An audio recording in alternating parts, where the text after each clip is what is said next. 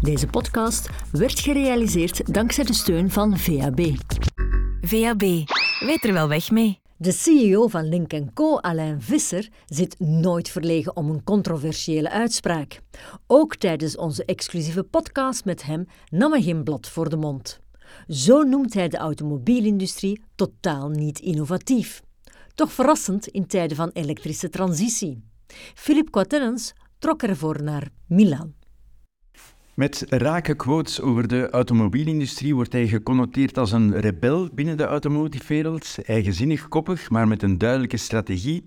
Is hij een visionair of is het Link Co-concept nog te vroeg om zijn plaats in te nemen? Alain Visser, welkom.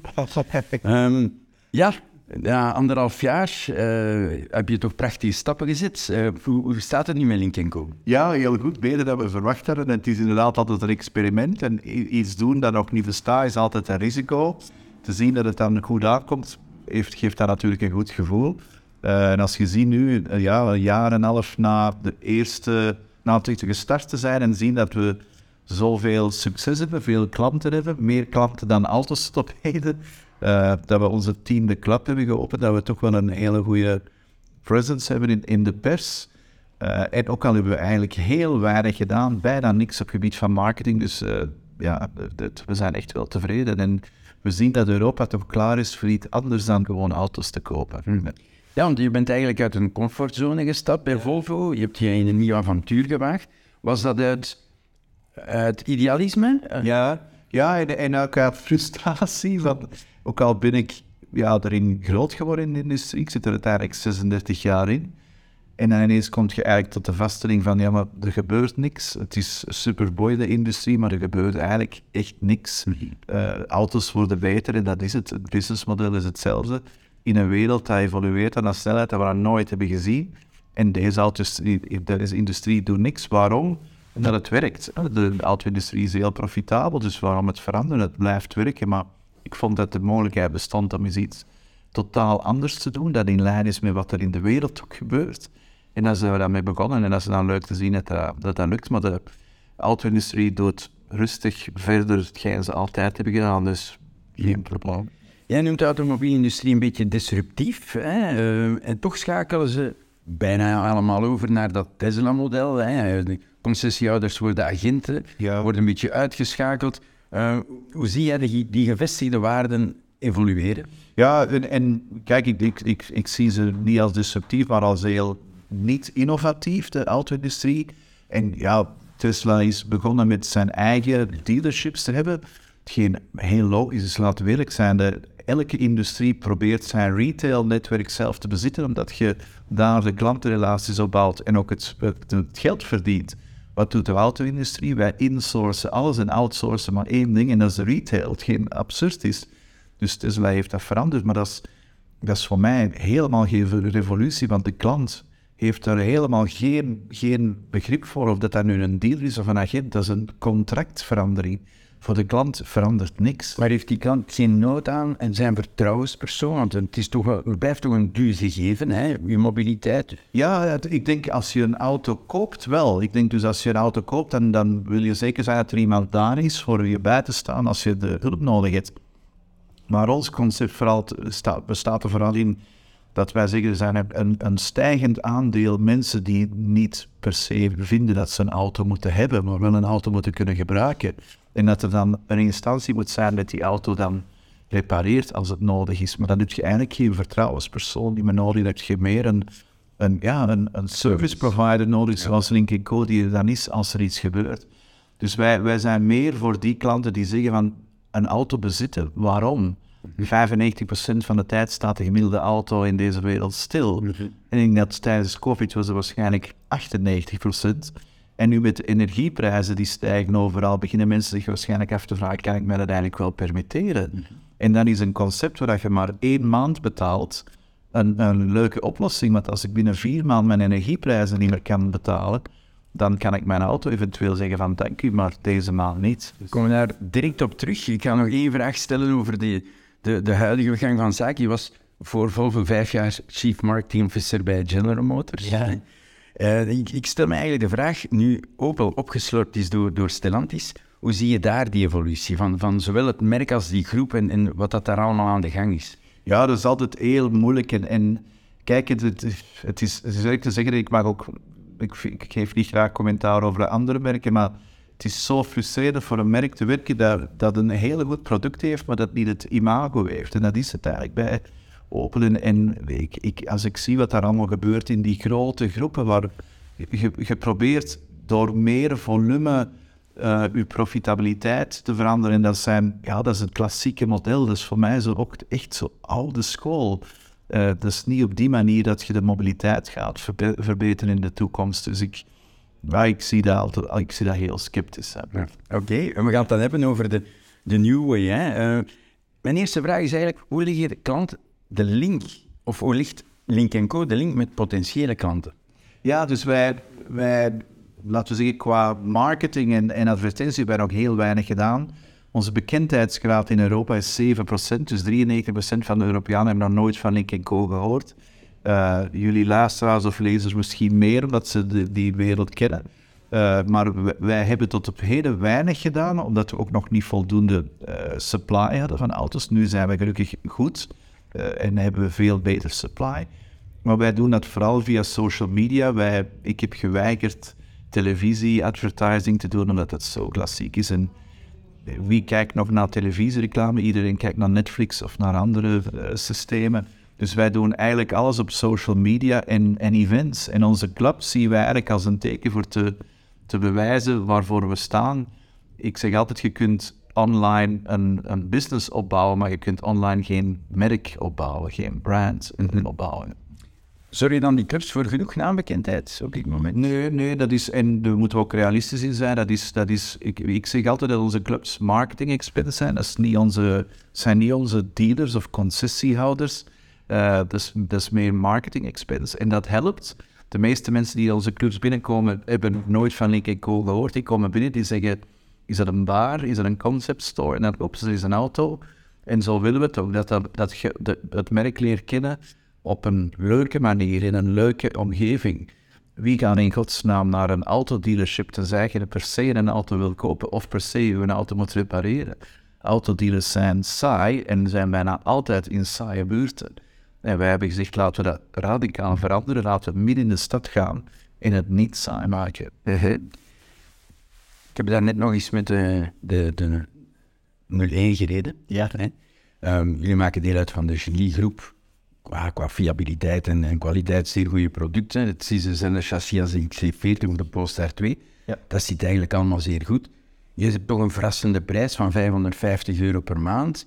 Er zit toch een, een enorm potentieel op het vlak van wagenparkbeheer, eh, voor wagenparkbeheerders met dit product. Ja, dat, zie, dat zien wij ook. En het, het grote probleem waar wij mee kampen, of laten we zeggen, het probleem is, is, is verkeerd uitgedrukt misschien. Hetgeen wij vaststellen is dat in de fleet business, die toch wel ook bij ons nu 30 tot 35 procent van onze business uitmaakt, ja. de, de particuliere business is 95 procent uh, subscription, man-to-man business. Mhm. De fleet is dat omgekeerd, is nou, ik zou zeggen ongeveer 60, 70 procent cash of lease.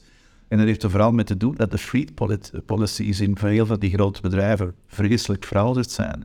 Die, die fleet managers hebben een budget en die moeten auto's kopen en leasen. En ik zou graag iets met meer van de CEO's van die bedrijven spreken en zeggen, er is veel geld te sparen door maandelijkse contracten te hebben en uw, en uw employees mobiliteit aan te bieden in plaats van auto's te kopen. Uh, het is, dus, ik denk het potentieel is enorm, maar wordt niet, nog, nog niet uitgebuit nu, omdat de fleet policies totaal verouderd zijn in veel van die grote bedrijven. Klopt, hè? Zij, zij werken met een budget per maand, want dat maakt deel uit van het salaris, bij wijze van spreken.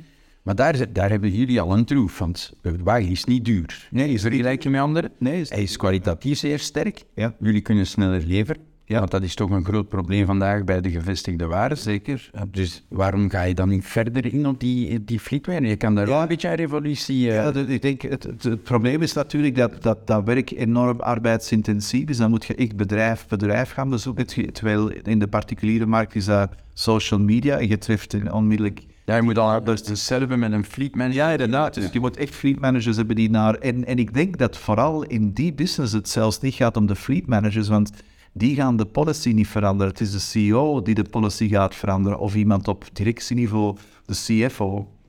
Dus hetgeen wij zouden eigenlijk moeten doen, en wat wij ook van plan zijn te doen, is, is een paar van die hoofdkopstukken samen te brengen en ons, ons concept is voor te stellen. Als ik kijk, dit zit er voor jullie in, in plaats van wat je vandaag uitgeeft aan uw wagenpark. Uh, en daar is nog veel te doen. En kijk, dat is een van de vele dingen die wij nu nog moeten doen. Een van de zaken in wagenparkbeheer, in de wereld van het wagenparkbeheer is, je hebt je een auto en je hebt dan je vastpunt voor je onderhoud en, en, ja, en je banden en zo meer. Waar kan je dan terecht als je een Ikenco hebt? Dus bij ons, wij hebben heel de service eigenlijk uh, ge, uh, aan Volvo-dealers uh, gegeven. Of gegeven, we hebben een contract met de Volvo-dealers, omdat uiteindelijk het product heel soortgelijk is, zoals je zei, aan, aan een, aan een XC40. En aan, natuurlijk, onze auto's moeten ook geserviced hebben. Wij proberen zo weinig mogelijk.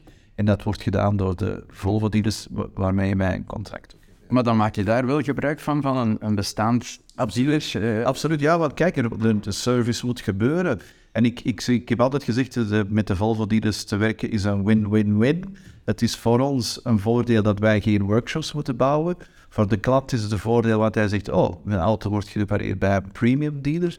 En Volvo is tevreden, want de Volvo-kwaliteit wordt ook hoe langer, hoe beter. Dus de service business gaat, mhm. naar, gaat naar beneden en wij geven ze bijkomende business. Hoe zie je dat, zie je dat in de toekomst? Stel dat voor België dat er ja, binnen een paar jaar 20, 30.000 uh, Link Co's rijden, ga je dan naar eigen servicecentra gaan? Ja, dat, dat, zit, dat zit er wel in om te zien, kunnen wij zelf iets doen? Er zijn uiteindelijk binnen de Geely Groep veel merken. Je zou kunnen zeggen, waarom geen servicecentra's hebben voor verschillende merken? Maar op korte, middellange lange termijn zien wij ons nog altijd samenwerken met de Volvo-dealers. Laten we ook eerlijk zijn. Polestar doet het ook. Hè? Polestar doet het ook. In de elektrificatie heeft als enorm sterk uh, gevolg ook dat veel minder service is. Dus de, de dealers zullen verschillende bronnen van inkomen nodig hebben en daar kunnen wij dan op korte termijn in ieder geval helpen. Sommige van jullie die-hard klanten maken daar zelf een, een businessmodel van. Die verdienen zelf aan uw waarde. Ja, en, we hebben altijd gezegd dat dat theoretisch kan. We zijn er niet van uitgegaan dat dat zo snel zou gebeuren, maar dat gebeurt nu weer. En hoe doen ze dat? Dus die, die betalen hun 550 euro en dan uh, nemen ze die auto, maken ze die auto beschikbaar om te sharen. Uh, vragen gemiddeld, ik denk dat het ligt dif, dif, uh, verschillend in Europese landen tussen 30 en 50 euro per dag.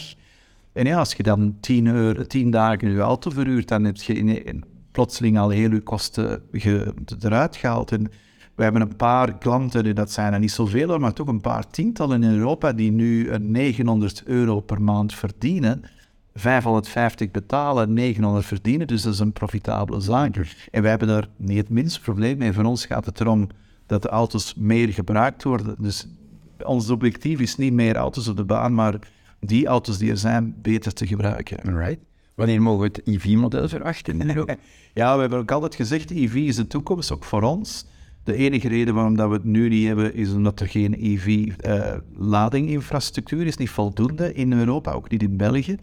Uh, ik denk dat daar de politiekers dringend moeten wakker worden. Het is allemaal mooi te horen, we gaan EV 100% subventioneren. Mhm. Maar als er EV's zijn, maar geen ladepalen, dan hebben we een groot probleem. En dat probleem is er nu al.